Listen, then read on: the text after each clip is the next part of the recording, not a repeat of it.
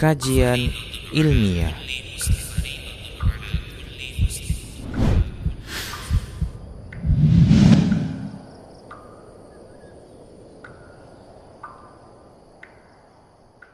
Bismillah, Assalamualaikum warahmatullahi wabarakatuh.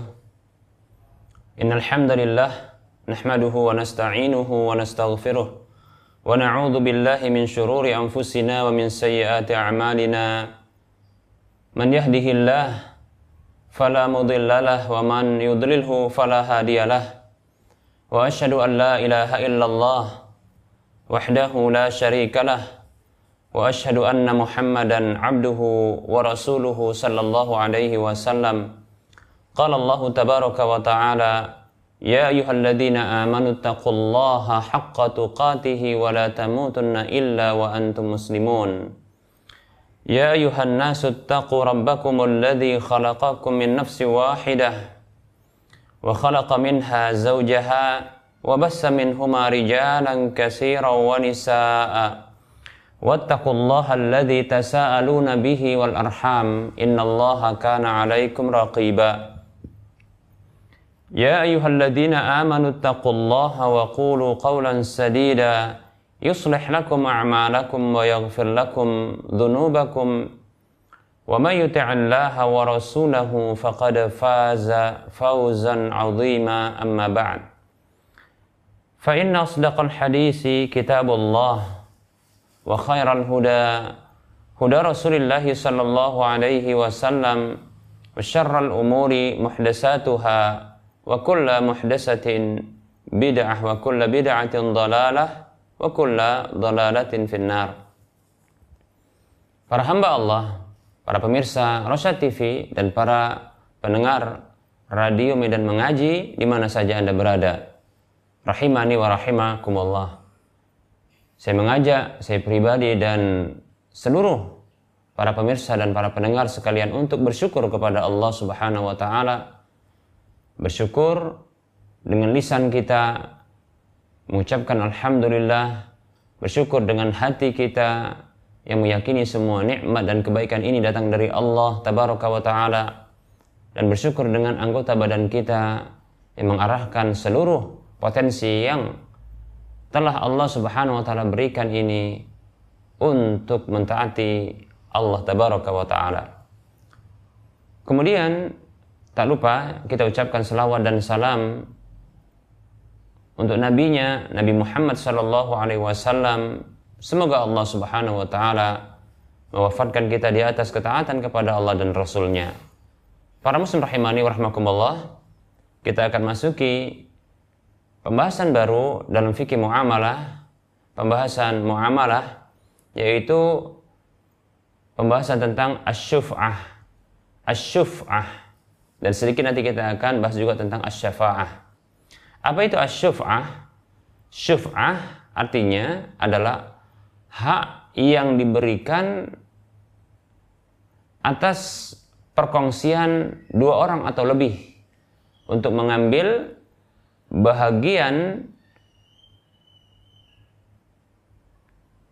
perkongsian tersebut ya atau mengambil bahagian ya dari teman atau lawan perkongsiannya dari tangan orang yang membelinya. Yang telah terjadi akad ya antara keduanya. Demikian. Saya akan berikan contoh untuk memudahkan apa itu hak perkongsian. Contoh apabila ada satu gedung yang dibangun atau yang dibeli dengan cara patungan antara dua orang atau lebih seharga satu miliar yang masing-masingnya itu menyetorkan biaya untuk pembelian tersebut ini sekitar 500 juta rupiah. Pihak pertama menyetorkan 500 juta rupiah, demikian pula pihak kedua, demikian, ya. Nah, disebut dengan hak syuf'ah, ya. adalah apabila salah satu pihak menjual bahagiannya dari gedung tersebut tentunya dia memiliki setengah dari ya gedung tersebut dengan bentuk yang musya yaitu yang dia e, tersebar dia memiliki bahagian dari gedung tersebut setengah karena dia menyetorkan hartanya atau uangnya ya setengah dari harga gedung tersebut. Nah, ketika salah satu pihak menjual menjual bahagiannya tersebut kepada pihak luar, menjualnya kepada pihak luar, maka pihak yang lain yang tidak mendapatkan penawaran untuk pembelian ya bahagian tersebut maka dia memiliki hak syuf'ah yaitu memiliki hak atas perkongsian kepemilikan untuk mengambil bahagian temannya ya. Lawan perkongsiannya tersebut dari orang yang membelinya lalu dia yang membelinya. Seperti itu. Jadi simpelnya hak hak syuf'ah adalah hak untuk mendapatkan penawaran ya eh, kepemilikan dengan cara membeli, membelinya tentunya ya. Dari lawan syuf'ahnya eh, dari lawan perkongsiannya nah seperti itu ya demikian ini hak syuf'ah ini gambaran ringkas ya atau gambaran ringkas penjelasan ringkas sekaligus contoh hak syuf'ah tersebut. Demikian. Jadi hak perkongsian atau hak yang diberikan atas dasar perkongsian. Seperti itu.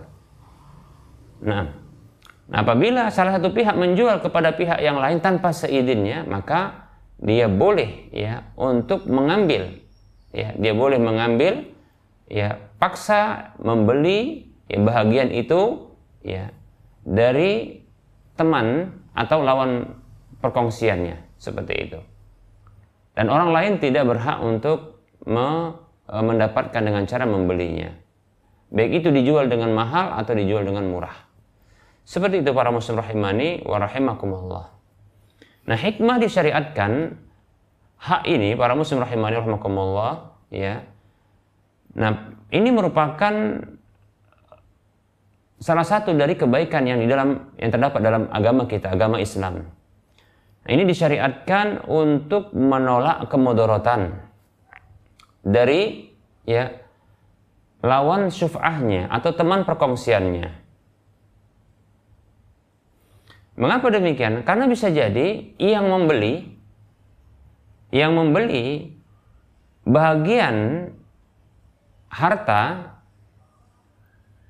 dari satu perkongsian tersebut bila ditawarkan kepada pihak luar tanpa seizin ya lawannya tersebut ini bisa jadi adalah musuh bagi lawannya tersebut. Ya. Musuh atau orang yang pernah berseteru atau orang yang tidak pernah bisa ya berdekatan. Nah ini bahayanya. Ya atau memiliki akhlak-akhlak yang buruk ya.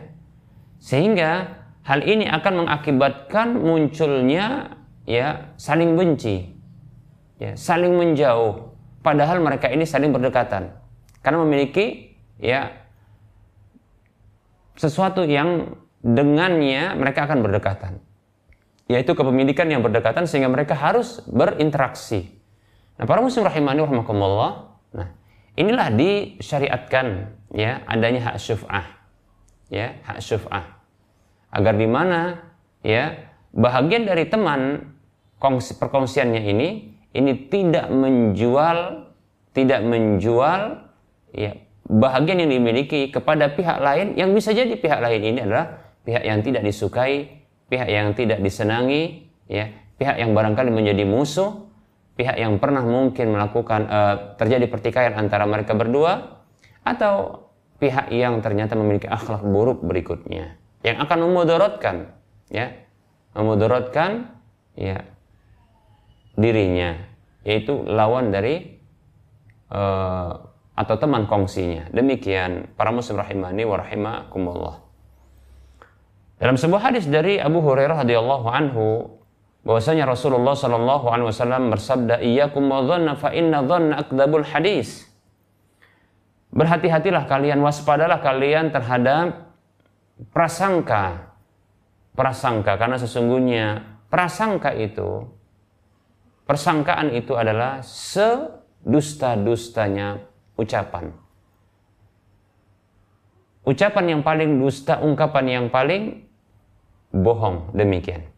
Wala tahassasu wala tajassasu wala tanajasu wala ta wala tahasadu wala tabaghadu wala tadabaru wa kunu ibadallahi ikhwana. Muttafaqun alaihi Nabi Shallallahu alaihi wasallam melarang janganlah kalian ya mencari-cari kesalahan orang lain Janganlah kalian berdesas-desus, ya. Janganlah kalian saling berdesas-desus, janganlah kalian saling mencari kesalahan orang lain dan janganlah kalian melakukan ya tanajus, yaitu meninggikan satu harga jual barang yang sesungguhnya tidak demikian harganya, ya.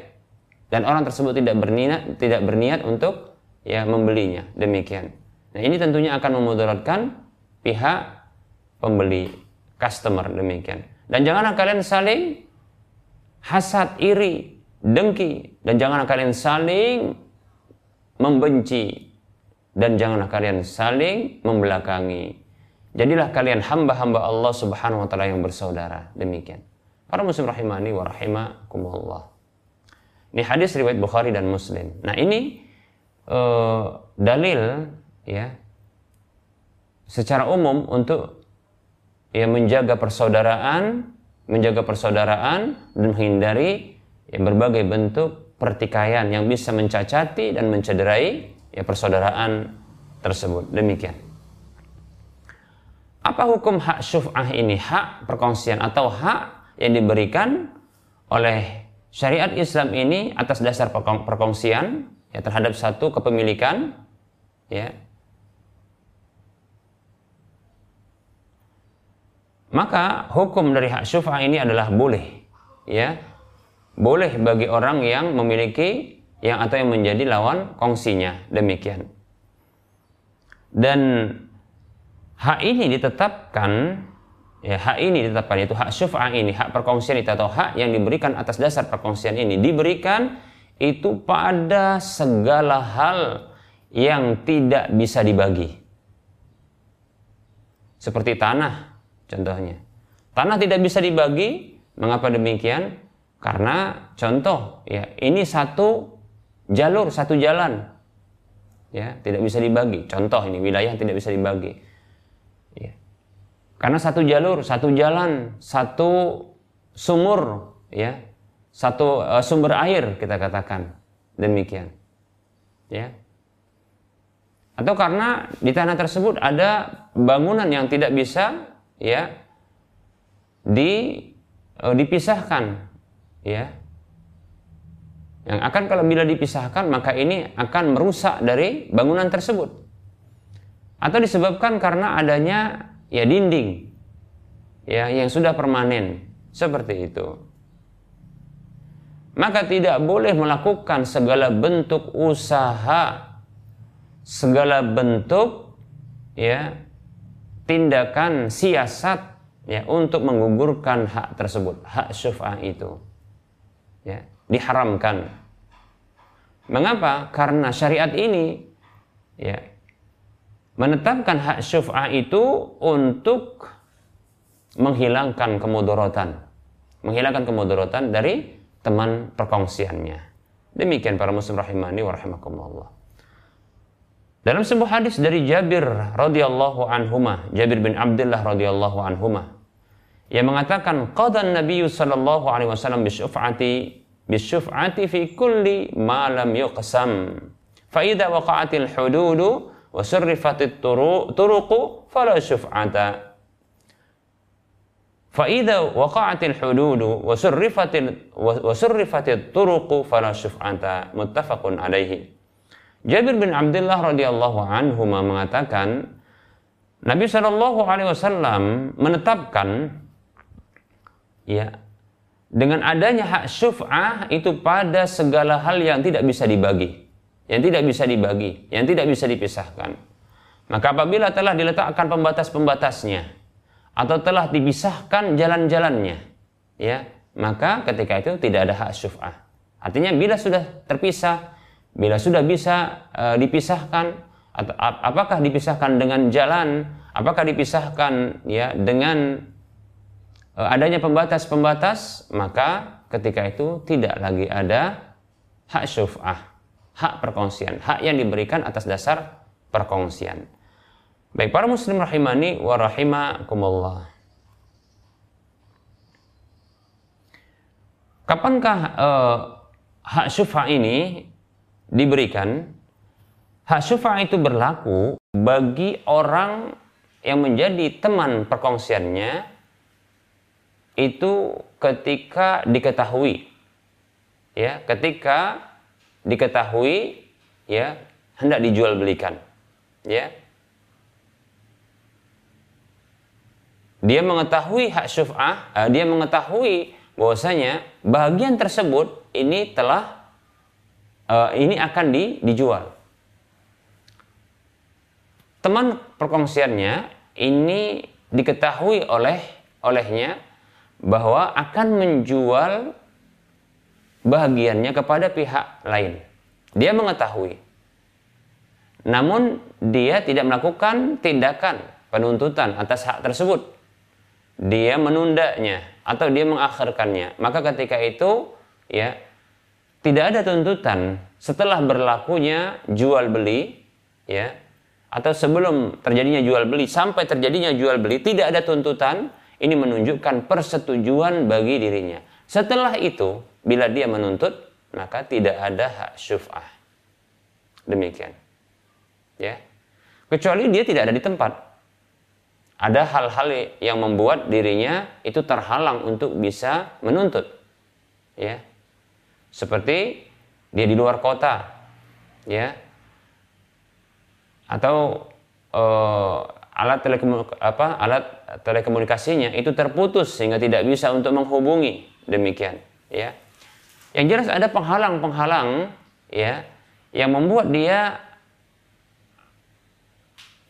ter, eh, ter, terhalang atau terhenti untuk menuntut hak syuf'ah tersebut, hak perkongsian itu. Maka ketika itu tidak batalah haknya. Demikian para muslim rahimani wa rahimakumullah.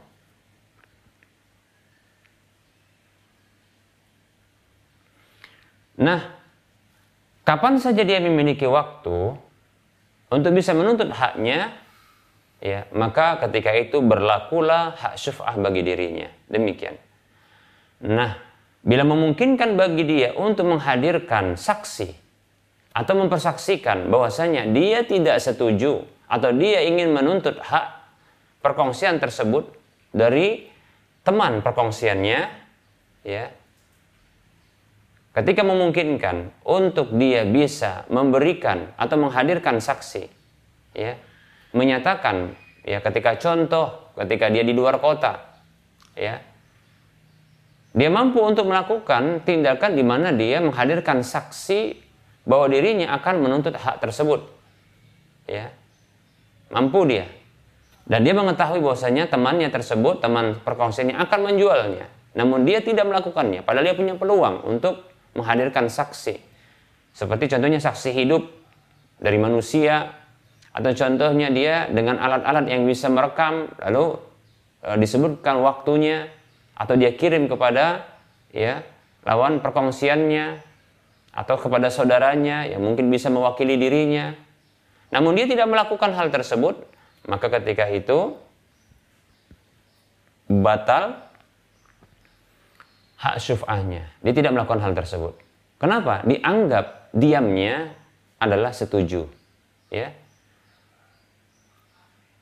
Diamnya tidak ada melakukan reaksi ini menunjukkan adanya persetujuan darinya, adanya persetujuan darinya. Demikian para muslim rahimani wa rahimakumullah.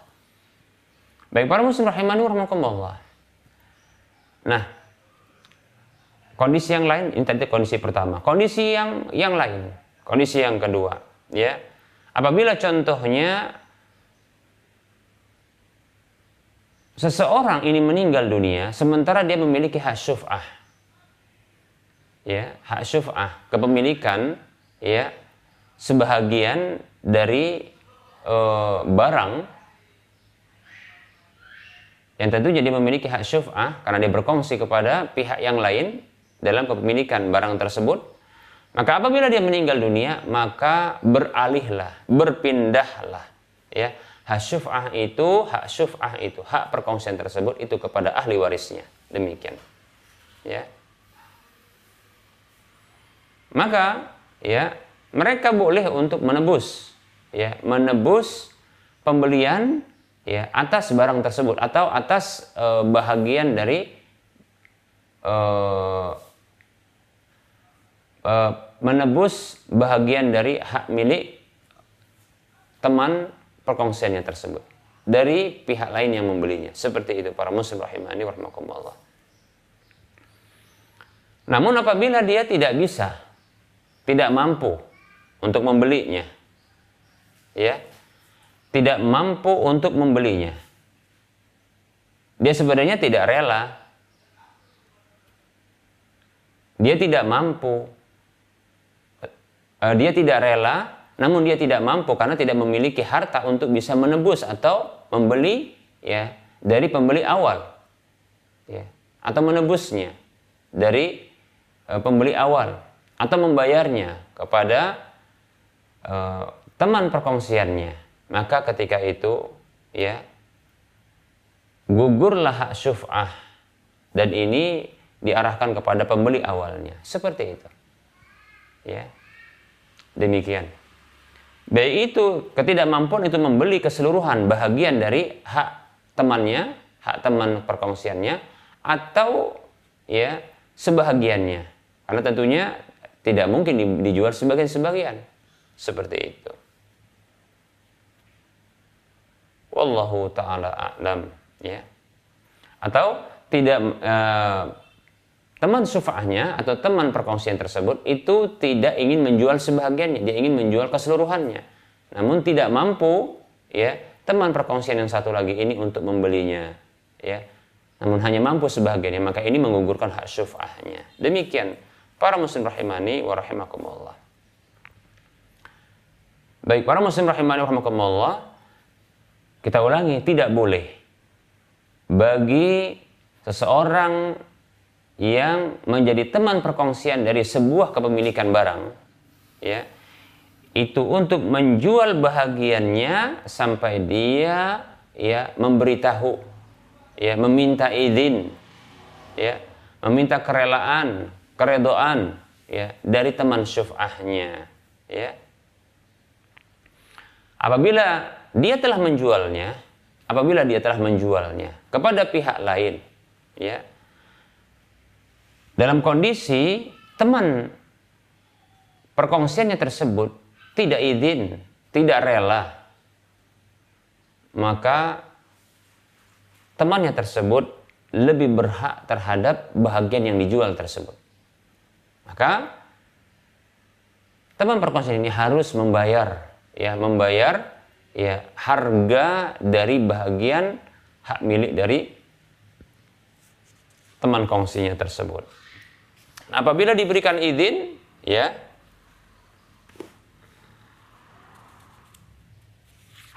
setelah diberikan izin dan dia mengatakan bahwasanya silahkan tidak ada ya masalah begitu, maka tidak ada tuntutan hak syuf'ah setelah itu. Ya. Kenapa? Karena sudah diizinkan seperti itu. Baik, oleh karenanya Seseorang yang memiliki hak syuf'ah ini, ya, paling tidak dia ya memberikan syarat bila dia contohnya tidak mampu atau tidak ingin membeli bahagian dari teman perkongsiannya. Dia paling tidak harus mengetahui atau memberikan syarat ya, ya ketika tidak mampu untuk membeli bahagian teman perkongsian tersebut ya maka hendaknya dia memberi syarat. Apa syaratnya? Di antara contoh syaratnya adalah ya, jangan dijual kepada orang seperti ini, seperti ini, dengan ciri seperti ini. Bila dia menyebutkan contohnya pribadi-pribadi individu tertentu, maka boleh. Ya. Begitu juga contohnya jangan dijual contohnya kepada orang yang non muslim. Ya. Ini boleh. Wallahu taala a'lam. Demikian para muslim rahimani wa rahimakumullah. Baik, para muslim rahimani wa rahmakumullah. Barangkali ini uh, hak syuf'ah ini sifatnya umum. Ada yang sifatnya khusus hak syuf'ah ini itu syuf'ah yang berlaku antara tetangga. Ya, antara tetangga.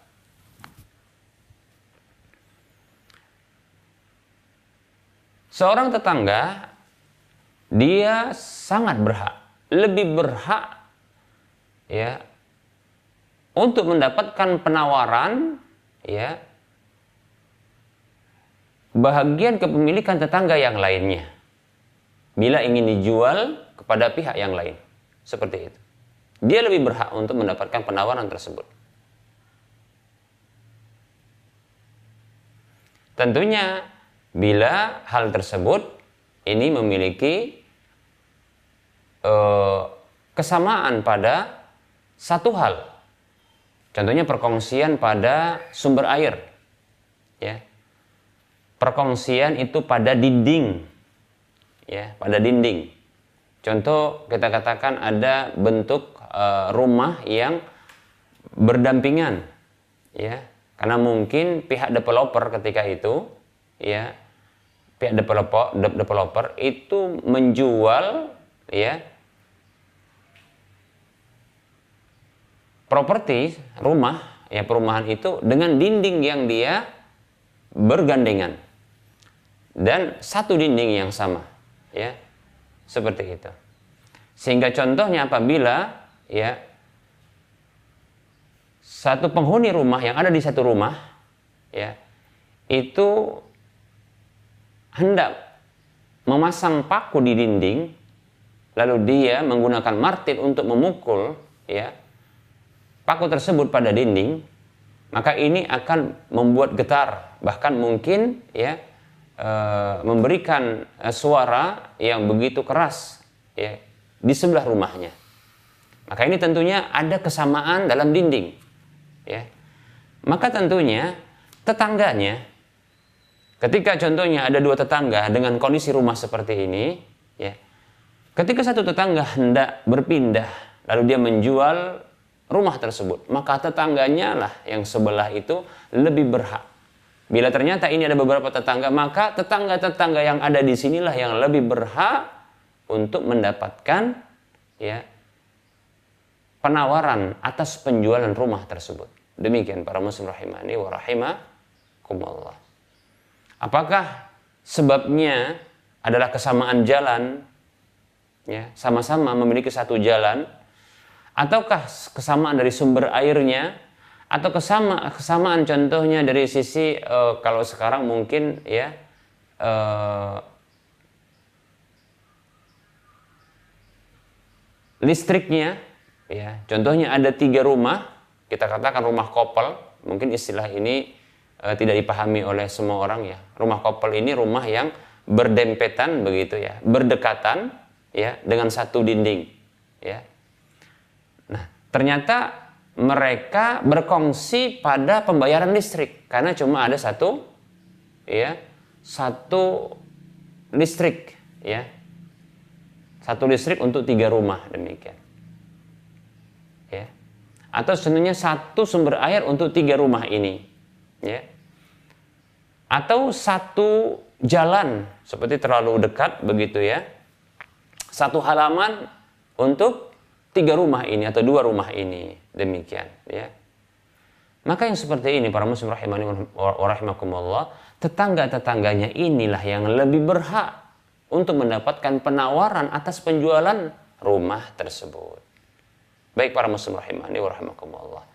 Nah ini berdasarkan sabda Nabi Shallallahu alaihi wasallam al jaru ahaqqu bi syuf'ati jarihi yuntadharu biha. Wa in kana ghaiban idza kana tariquhuma wahidan ya. Tetangganya ya. Seorang tetangga itu lebih berhak terhadap hak syuf'ah tetangga yang ada tetangganya. Yang dia ditunggu ditunggu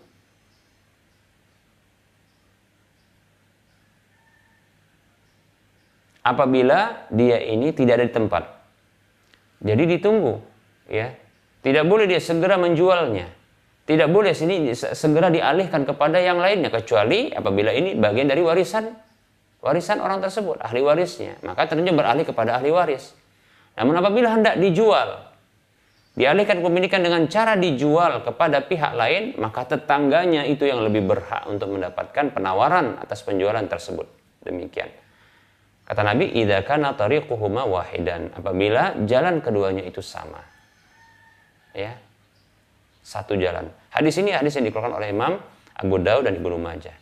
Walaupun sebab kesamaan itu disebutkan dalam hadis ini lebih spesifik yaitu dia kesamaan jalan, namun ini tidak terbatas, tidak terbatas. Karena ya e, sesuatu yang membuat ya berkongsinya ini bukan hanya masalah jalan. Ini barangkali ditemukan di zaman Nabi Shallallahu Alaihi Wasallam. Namun ya ini berkembang dan sangat mungkin di zaman Nabi juga ada.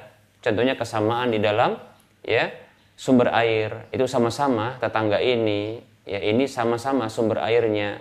Sama pula contohnya sumber uh, listriknya demikian. Dan seterusnya. Para muslim rahimani wa rahimakumullah nah ini pembahasan hak syuf'ah. Ya. Barangkali ini uh, pembahasan yang uh, terdengar asing ya. Ini semoga bermanfaat ya bagi kita. Jangan kita uh, sepele dengan hal, hal ini. Nah, ini menunjukkan bagaimana sempurnanya agama kita yang membahas hal-hal yang mungkin spesifik, hal-hal yang sangat berpotensi untuk memunculkan pertikaian dan persengketaan sesama manusia. Nah, Islam mengajarkan dan mengaturnya ya agar apa saja yang memunculkan pertikaian, permusuhan, persengketaan ini bisa diredam, ya, bisa diantisipasi semenjak awal demikian. Di antaranya adalah adanya pembahasan tentang hak syuf'ah. Diletakkannya syariat ya pemberlakuan hak syuf'ah bagi orang-orang yang memiliki perkongsian pada satu satu tempat atau satu barang. Demikian para muslim rahimani wa Berikutnya E, pembahasan yang terakhir pada pertemuan kali ini adalah asyafa'ah. Apa itu asyafa'ah? Yaitu talabul auni lil ghair, yaitu e, meminta pertolongan ya untuk orang lain. Meminta pertolongan untuk orang lain. Ya. Itu kita meminta pertolongan kepada seseorang untuk diberikan pertolongan kepada orang lain. Ya. Itu menjadi perantara ya pertolongan seseorang kepada pihak lain. Nah, ini disebut dengan syafa'ah asyafa'ah. Baik, ya, e, ditinjau dari baik dan buruknya, maka syafaah ini terbagi menjadi dua. Ya. Yang pertama adalah syafaah al-hasanah. Al-syafaah al-hasanah, yaitu tuntutan atau permintaan pertolongan ya. Atau memperantarai seseorang untuk bisa menolong orang lain ini dalam hal yang yang baik ya. Yaitu pertolongan perantaraan pertolongan ya dalam apa saja yang dianggap baik dalam syariat ini ya. Seperti contohnya yang memperantarai untuk oh, diadakannya pertolongan ya dengan tujuan menghilangkan kemudorotan ya. Atau untuk memperlakukan kemanfaatan atau mengarahkan ke eh, apa namanya mengarahkan satu hak kepada orang yang berhak demikian. Atau menghilangkan kezaliman dari orang yang terzalimi. Dan tentunya ini adalah kebaikan ini sesuatu yang terpuji dan orang yang melakukannya orang yang berposisi sebagai perantara ya untuk munculnya atau diberlakukannya pertolongan pada pihak lain, ya, maka orang tersebut mendapatkan ya pahala, ya, mendapatkan pahala.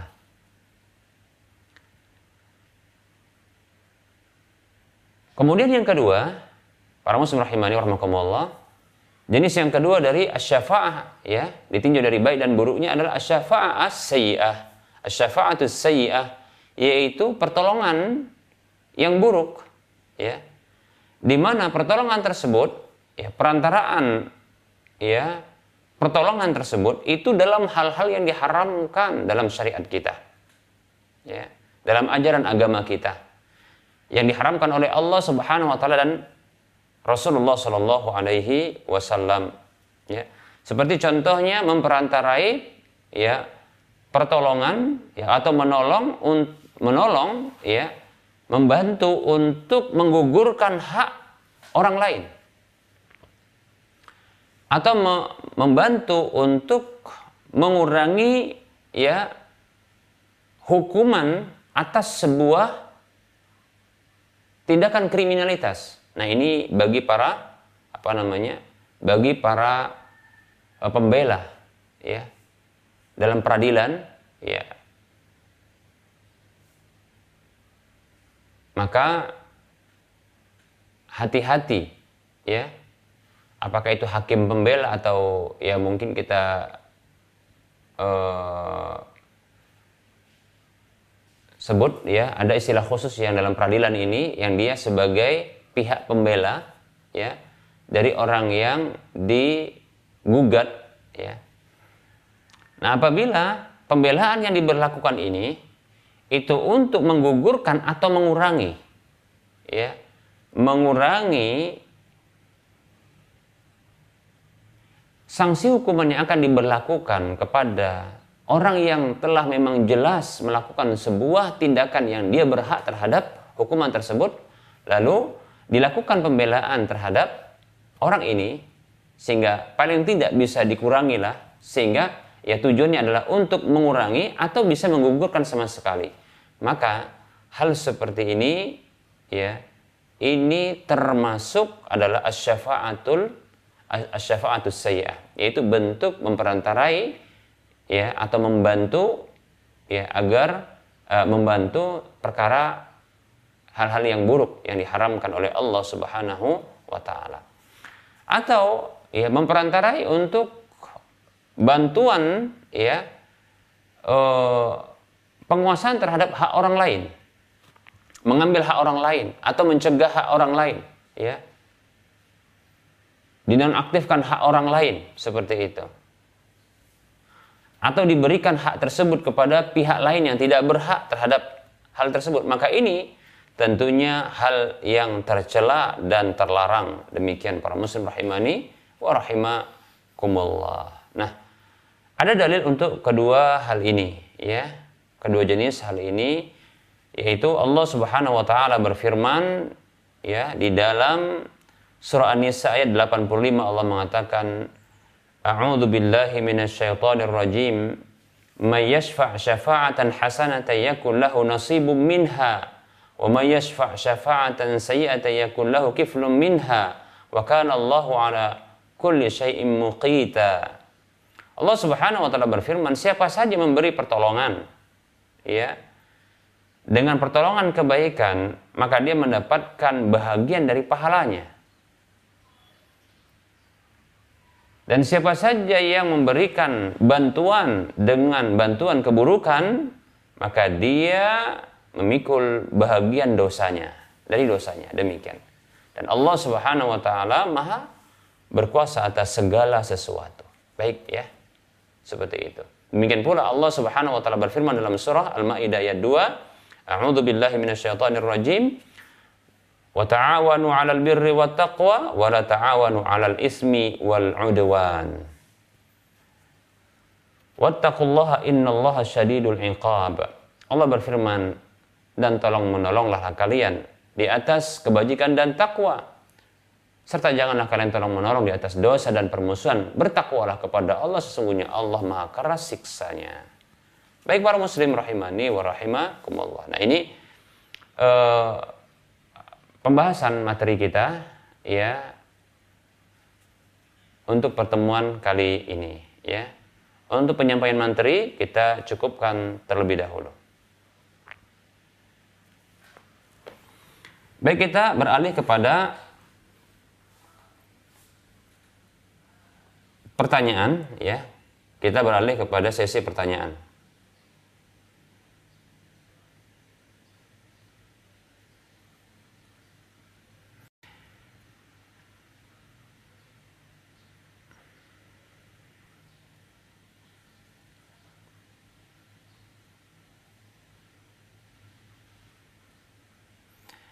Baik, ini ada pertanyaan. pertanyaan pertama. Assalamualaikum warahmatullahi wabarakatuh. Bismillah, Assalamualaikum warahmatullahi wabarakatuh. Ustadz saya mau bertanya. Dari SD sampai sekarang saya, abang, dan kakak perempuan saya tinggal bersama ayah tiri. Berarti ini ya ayah yang berbeda ya dan ibu kandung saya. Dari pertik, dari pernikahan ayah tiri dan ibu kandung saya lahirlah adik-adik tiri. Uh, lahirlah adik tiri laki-laki yang sekarang juga sudah dewasa. Di sisi, di sisi lain, ya, ayah tiri memiliki anak kandung laki-laki dari istri pertama beliau yang sudah diceraikan. Nah, ketika kelak nanti ayah tiri saya wafat, oh jangan didoakan ya. Eh, berarti belum wafat ini kan nanti. Ini ceritanya berarti nanti ini ya. Bisa jadi nanti sang penanya pula yang lebih dulu kan, atau saya pula yang menyampaikan lebih dulu ya. Tapi tidak ada hubungan tentang masalah ini ya. Oleh karenanya ya ini barangkali pertanyaan bila terjadi kasus ini bagaimana mungkin seperti itu ya. Siapa saja yang berhak mendapatkan harta ayah tiri tersebut? Ya dan bagaimana cara pembagian sesuai dengan syariat yang benar. Baik, kita akan jawab. Waalaikumsalam warahmatullahi wabarakatuh. Ya. Yang berhak untuk mendapatkan ya dari harta warisan ayah tiri adalah istrinya. Istrinya. Dalam hal ini adalah ya ibu sang penanya. Ya istrinya. Bila istrinya masih hidup. Ya karena di antara syarat ya di antara syarat ya mendapatkan ahli waris adalah adanya kepastian hidup ya ahli waris ketika wafatnya orang yang meninggalkan harta warisan. Demikian ya. Seperti itu.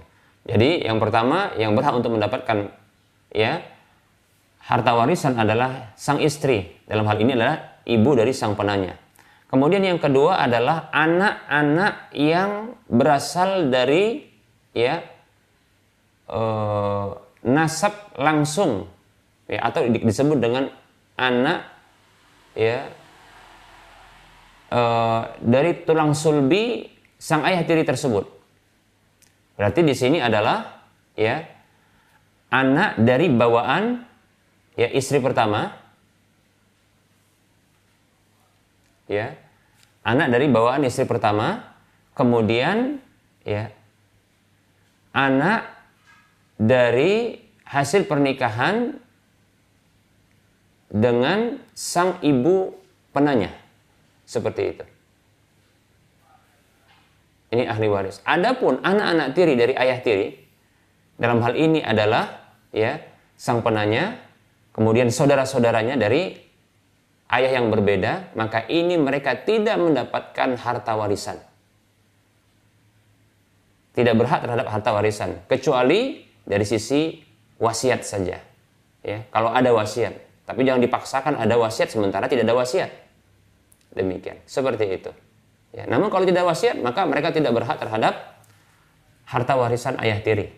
Bila ayah tiri ini memiliki ya bila ayah tiri ini memiliki ya memiliki kedua orang tua ya maka kedua orang tua juga ini apa memiliki hak demikian. Memiliki hak. Nah, inilah dia ahli waris dari sang ayah tiri. Yaitu kedua orang tua atau salah satu dari keduanya bila ada, ya. Bila tidak ada kedua-duanya, maka selesai masalah, ya. Kemudian, ya, istri ya istri sang ayah tiri tersebut yaitu ibu dari sang penanya.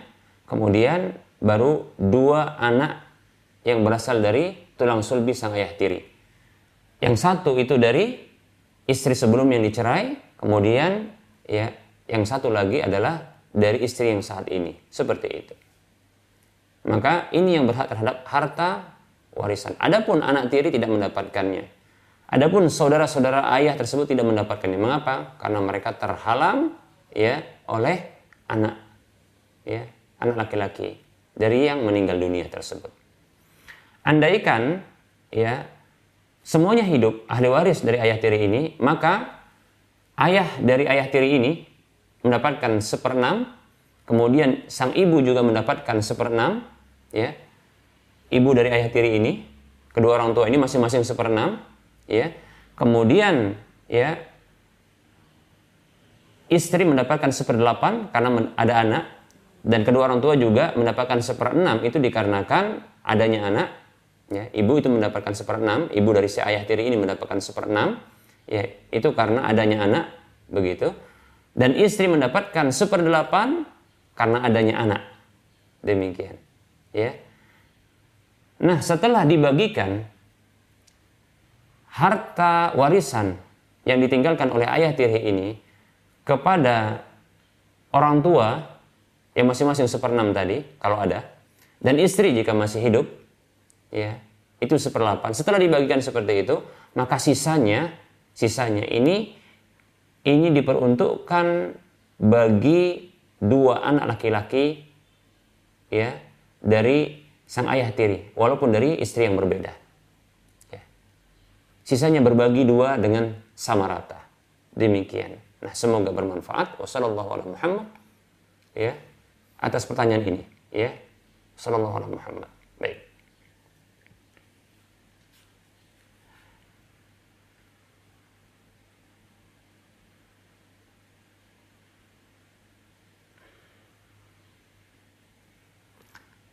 Baik, ini ada pertanyaan berikutnya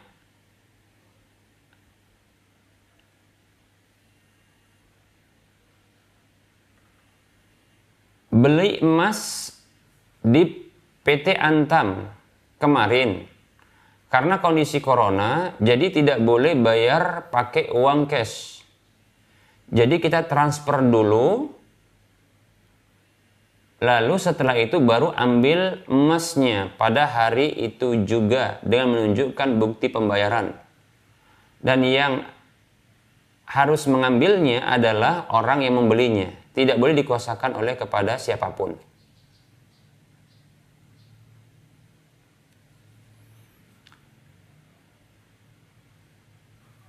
Baik, kita akan jawab jual beli emas dengan uang adalah merupakan bentuk jual beli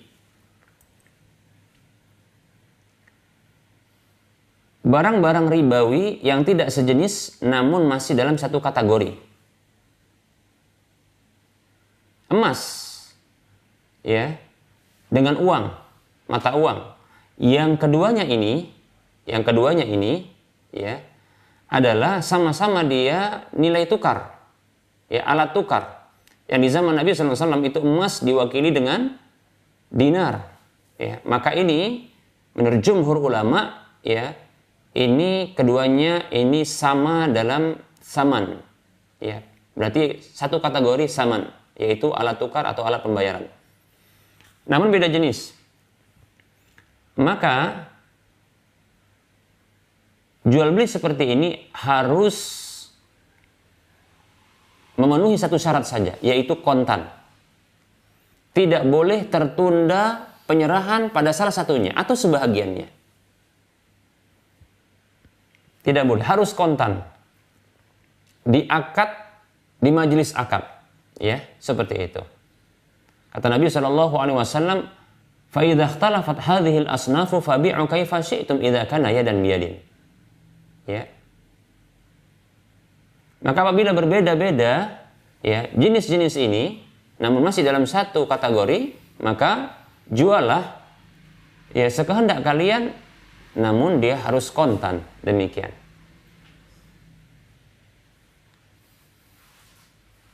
Kata Nabi SAW dalam ungkapan yang lain ya la ba'sa. La ba'sa bibai'i al-dhahabi bil fiddati wal fiddatu aksaruhuma.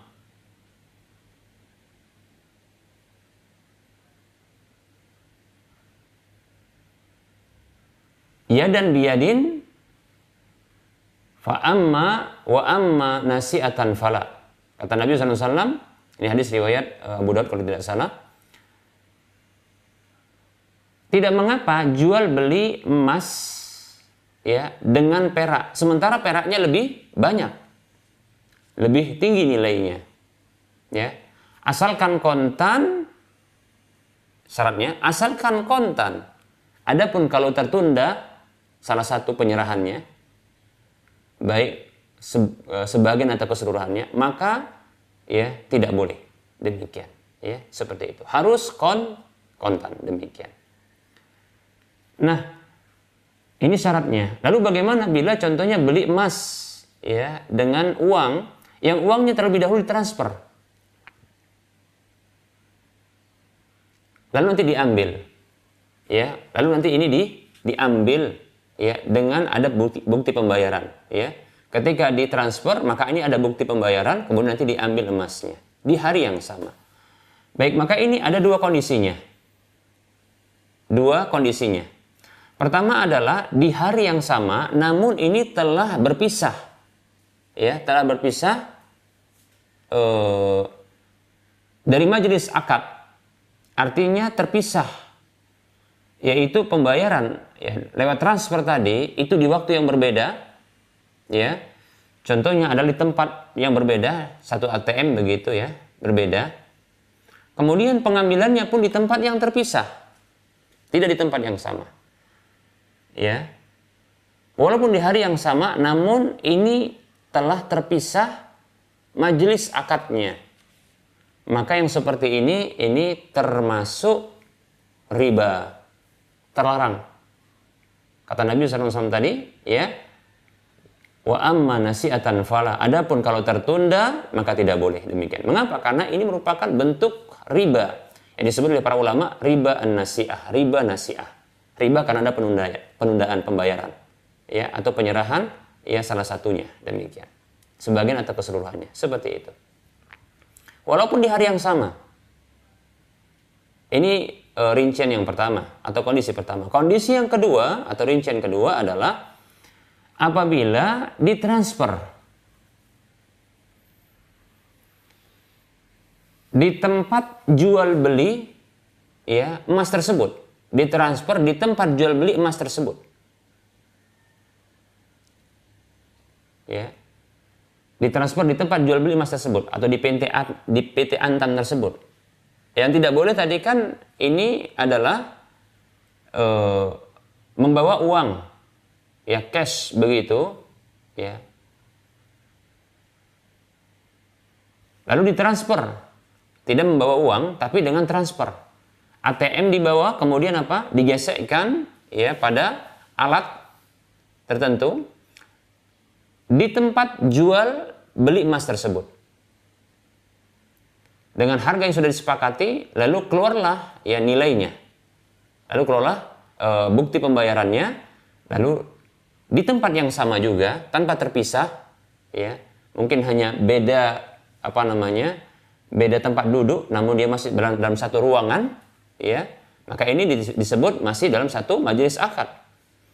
Lalu setelah pembayaran ini dilakukan, ya pembayaran ini dilakukan, kemudian dia serahkan di tempat yang sama bukti pembayaran tersebut untuk mengambil emas. Maka yang seperti ini, ini disebut dengan kontan. Karena masih dalam satu majelis akad. Ya. Walaupun ya mungkin di uh, apa namanya di orang yang berbeda, di orang yang berbeda, petugasnya berbeda, ketika membayar ini berbeda, ya. Ketika dia apa namanya mengambil emas berbeda, namun masih dalam satu ruangan, masih dalam satu tempat, majelis akad disebut begitu, ya. Maka ini termasuk kontan. Demikian para muslim rahimani wa rahimakumullah, ya. Dan ini tentunya yang kedua ini ini tidak ada riba padanya. Ya. Wallahu taala a'lam.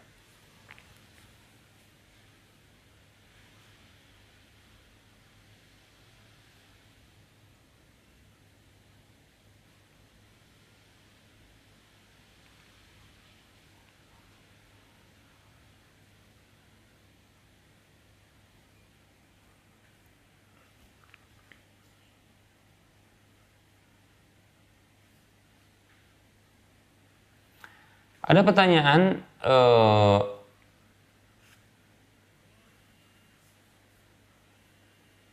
hukum menjual barang yang tidak syar'i seperti jual baju kaos untuk wanita sepertinya ya.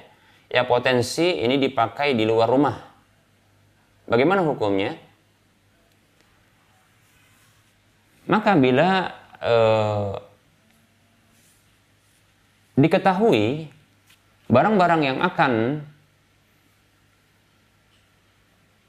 kita jual belikan ini ini kalau akan digunakan untuk hal yang haram maka kewajiban kita pertama sekali adalah ya adalah menasihati orang tersebut ya menasihati orang tersebut untuk tidak melakukan perkara yang haram tersebut ya seperti itu. Yang aslinya adalah jual beli tersebut adalah halal. halal. Ya, seperti ini disamakan contohnya seperti seorang wanita yang dia membeli parfum. Ya. Lalu nanti, nanti dia akan menggunakan parfum. Hanya saja ada potensi ini akan dipakai keluar rumah. Sementara ini jenis parfum yang dibeli adalah parfum yang begitu semerbak aromanya. Makanya seperti ini pertama sekali yang dilakukan adalah dia memberikan nasihat tentang larangan itu. Ya, larangan. Larangan wanita keluar rumah menampakkan auratnya, larangan wanita ya e, memakai aroma-aroma yang semerbak yang ini ya e, yang ini dinyatakan oleh Nabi SAW sebagai ya pezina demikian ya seperti itu sampaikan kepadanya nah Apabila dia mengatakan, dia mengakui iya, dia mengetahui tersebut dan dia mengatakan ya insya Allah katanya, ya. Walaupun saat ini kondisinya dia sedang memakai parfum semerbak, walaupun bukan parfum yang dibeli, baru yang yang akan dibeli itu, begitu juga dia saat ini sedang memakai ya uh, mungkin uh, apa namanya kaos yang saat itu kaos tersebut sedang dipakainya dan tidak sedang memakai uh, tidak menutup aurat dengan sempurna maka setelah sampainya nasihat tersebut kepada dirinya, setelah sampainya nasihat itu kepada dirinya dan dia dia dan dia menyetujuinya, ya, maka insya Allah taala jual beli tersebut halal. Jual beli tersebut adalah halal. Namun kalau kita mengetahui dan tanpa menyampaikan, kita mengetahui orang ini akan menggunakannya keluar rumah, ya, dan kita mengetahuinya dan kita tidak menyampaikannya, maka kita turut membantu ya dia untuk melakukan sebuah hal yang haram ya. Yang ada adalah nasihat. Nasihat sampaikan kepadanya ya. Seperti itu. Demikian ya. Wallahu taala alam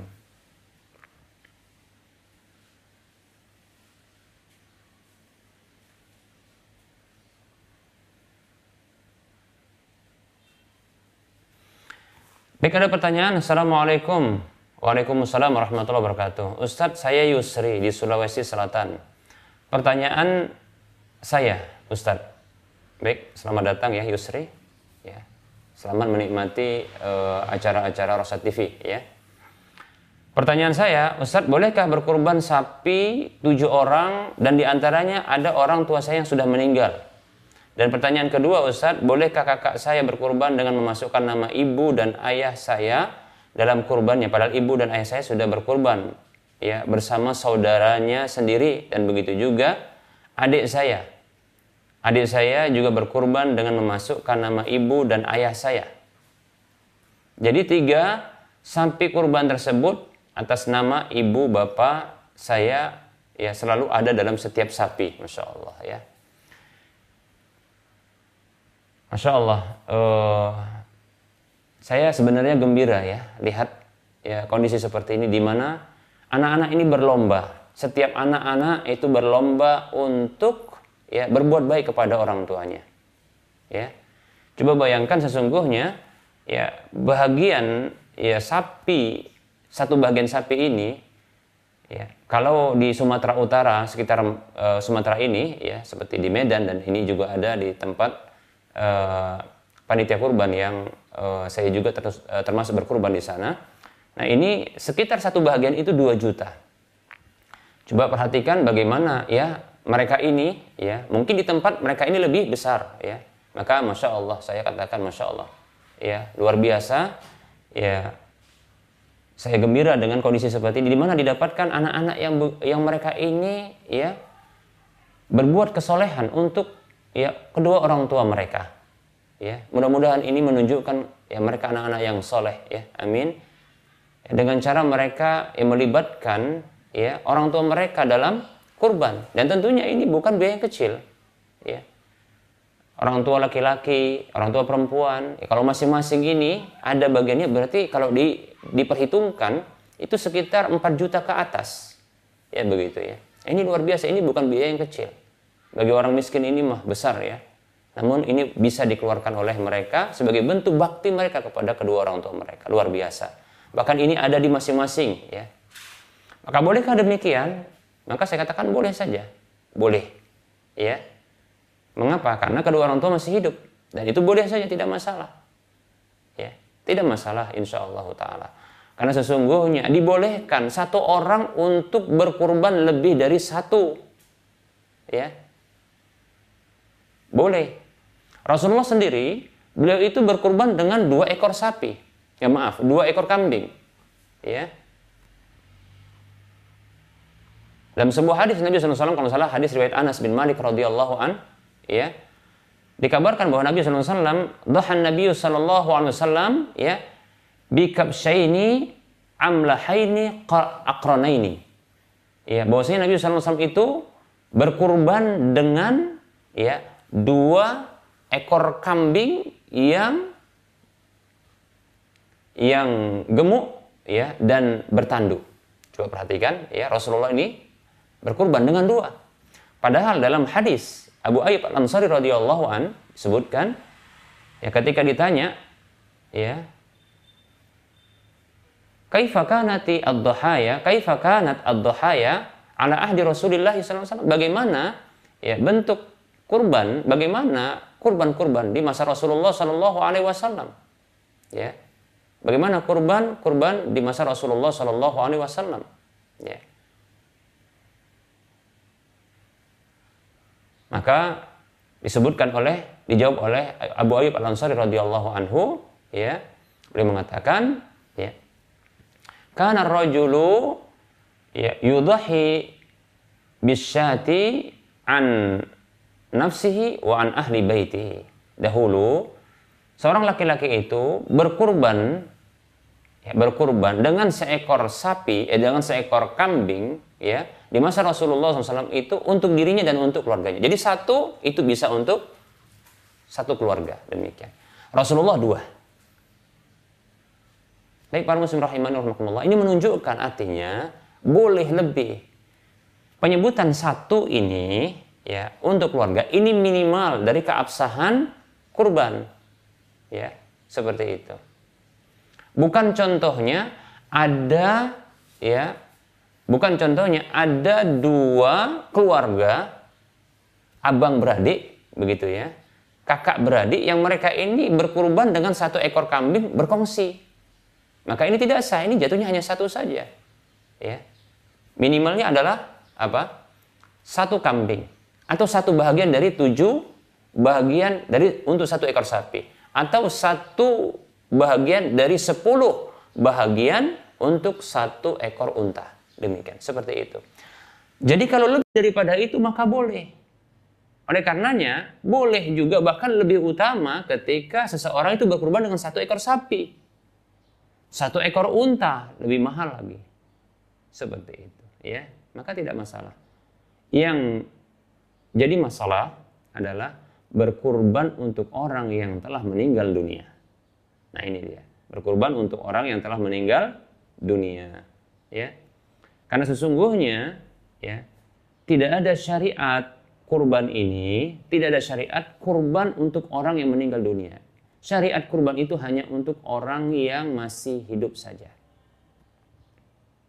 Ya, seperti itu.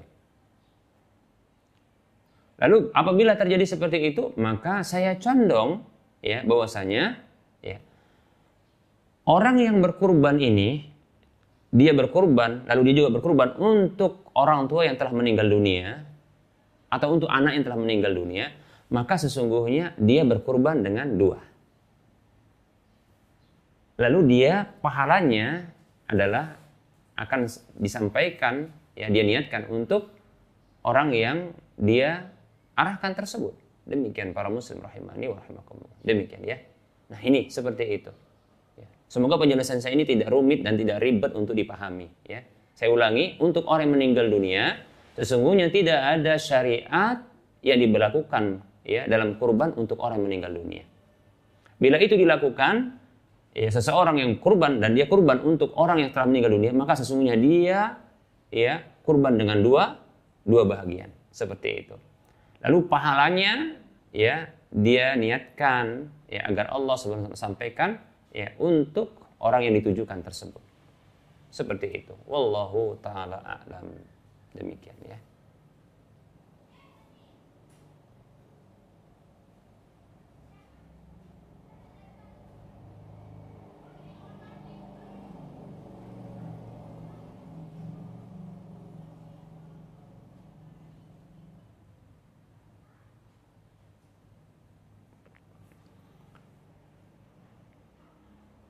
Pertanyaan berikutnya, Ustadz bolehkah kita menjual barang sementara barang tersebut belum ada dan jika ada yang pesan baru barang tersebut dijemput dan diserahkan kepada pembeli syukron.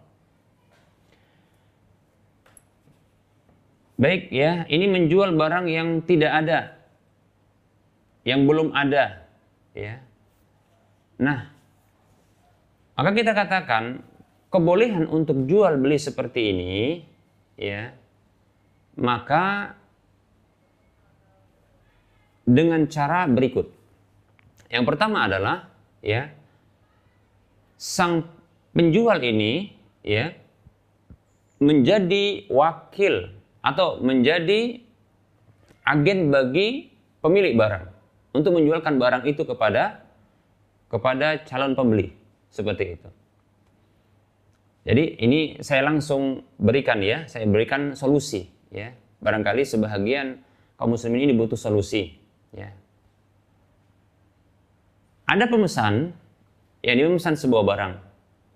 Maka terlebih dahulu ya yang Anda tanyakan, yang Anda sampaikan kepadanya adalah spesifikasi barang. Apa yang diinginkan dari barang tersebut? Ya, maka tawarkan kepadanya spesifikasi barang. Ya. Jika dia memiliki merek, maka sebutkan merek. Jika dia memiliki tipe maka sebutkan tipe. Jika dia ya membutuhkan uh, warna maka sebutkan warna. Ya. Begitu juga barangkali bentuk. Ya kalau ada mungkin penyebutan tahun maka dengan tahun. Nah seperti itu. Ya. Lengkap semua. Nah apabila hendak melangkah kepada harga kepada harga maka pending pending untuk bisa menyebutkan harga.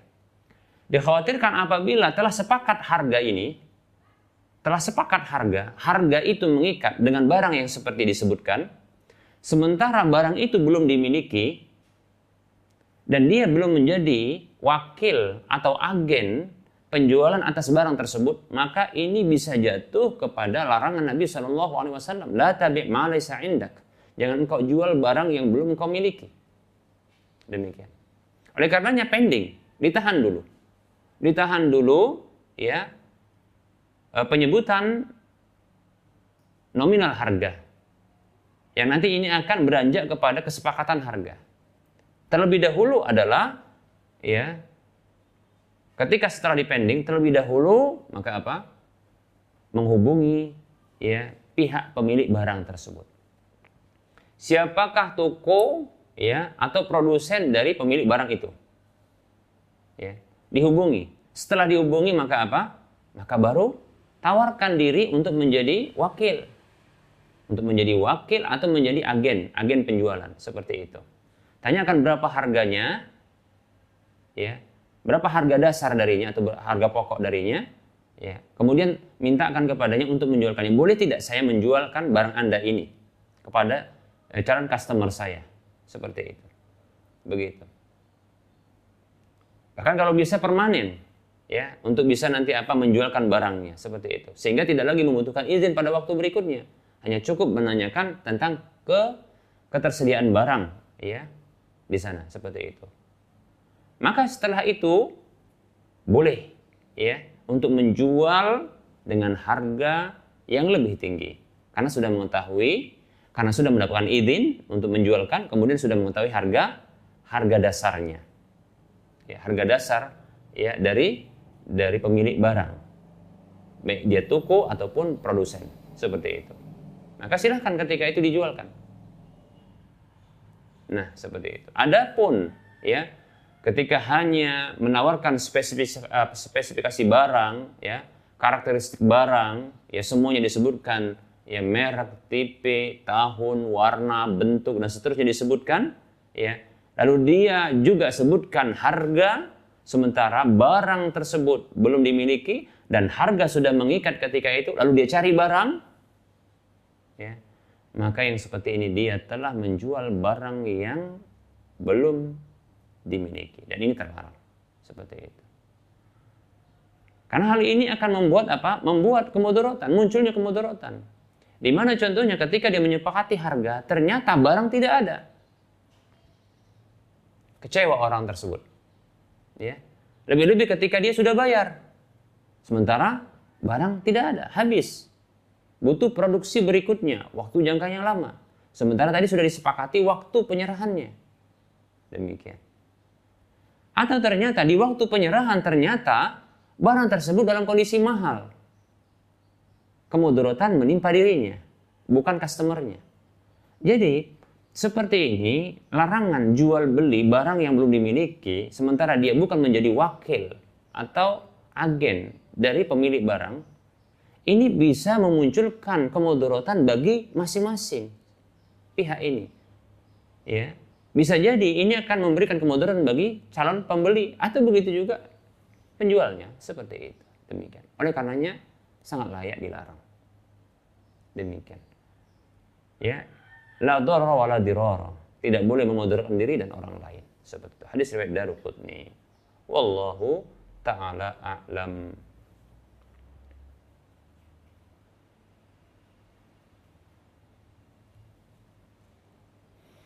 Ada pertanyaan, Bismillah, Assalamualaikum warahmatullahi wabarakatuh. Pertanyaan, usia saya 59 tahun, bernama Bapak Heru Harjianto. Barakallah Pak, ya, barakallah fik, ya. Jazakallahu khairan atas pertanyaan ini ya dan sudah bisa bergabung bersama kita dalam uh, kajian ini. Kurban sudah lebih dari 20 tahun dan tidak pernah terputus. Alhamdulillah barakallahu fik ya. Semoga Allah berikan kemudahan bagi Bapak untuk bisa terus melakukan kebaikan ya.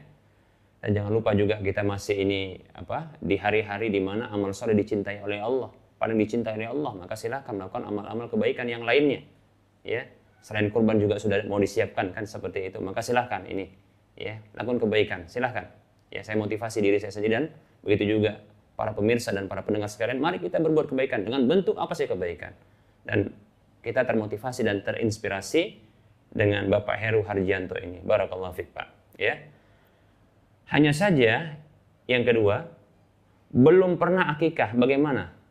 Baik, ya tentang akikah berarti pertanyaannya ini, ya.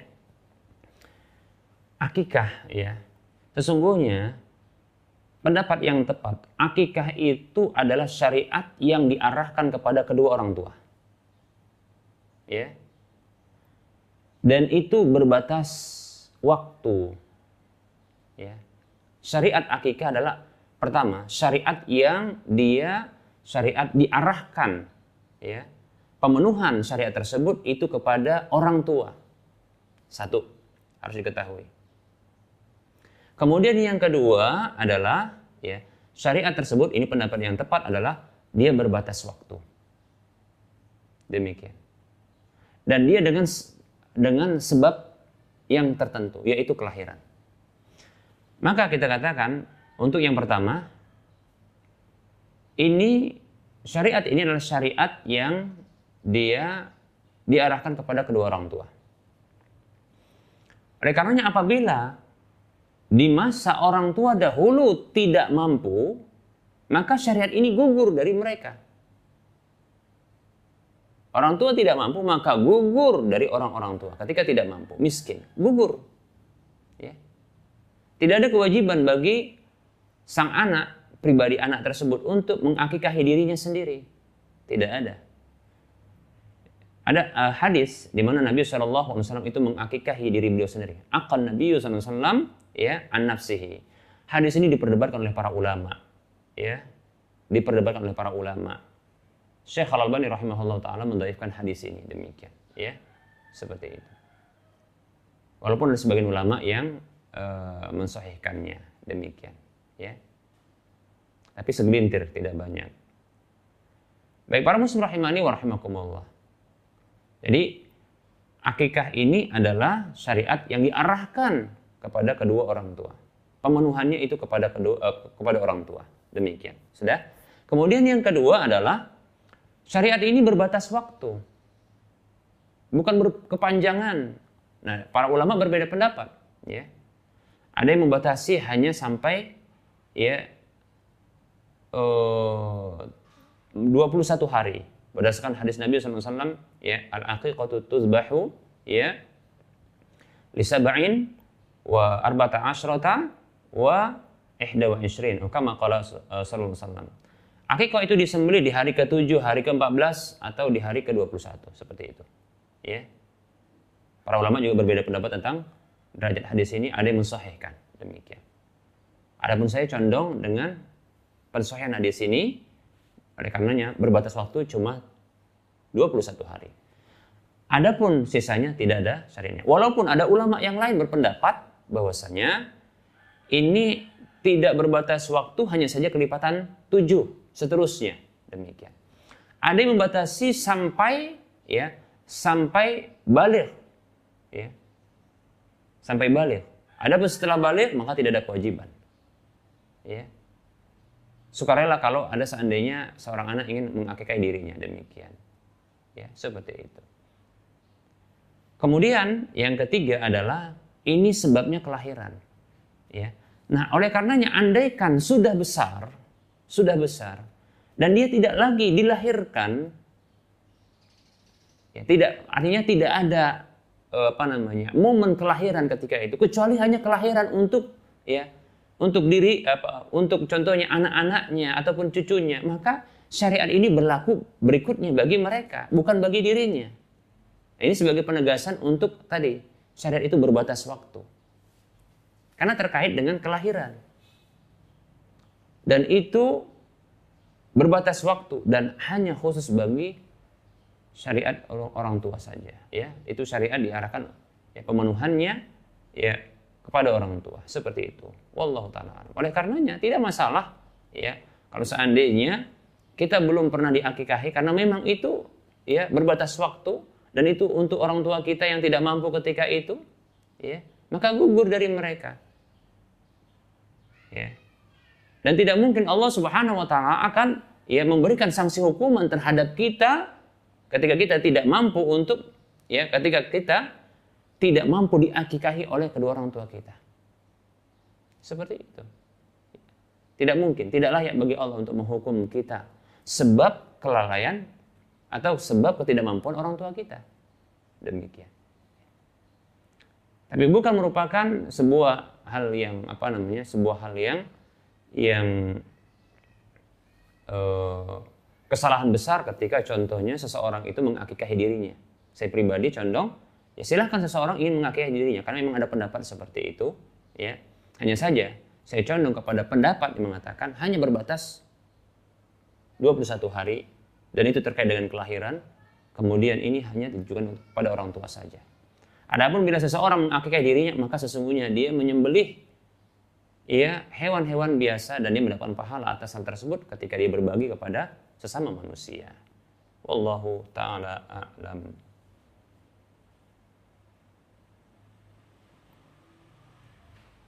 Untuk kru kita lanjutkan ini. Ini kebetulan banyak pertanyaan ini. Kita lanjutkan ya.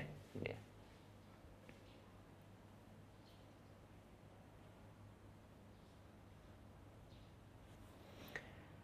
Oh, kelanjutan dari pertanyaan tadi. Ustadz misalnya menjual makanan, si penjual memperlihatkan gambar atau fotonya saja, sementara makanan tersebut belum ada.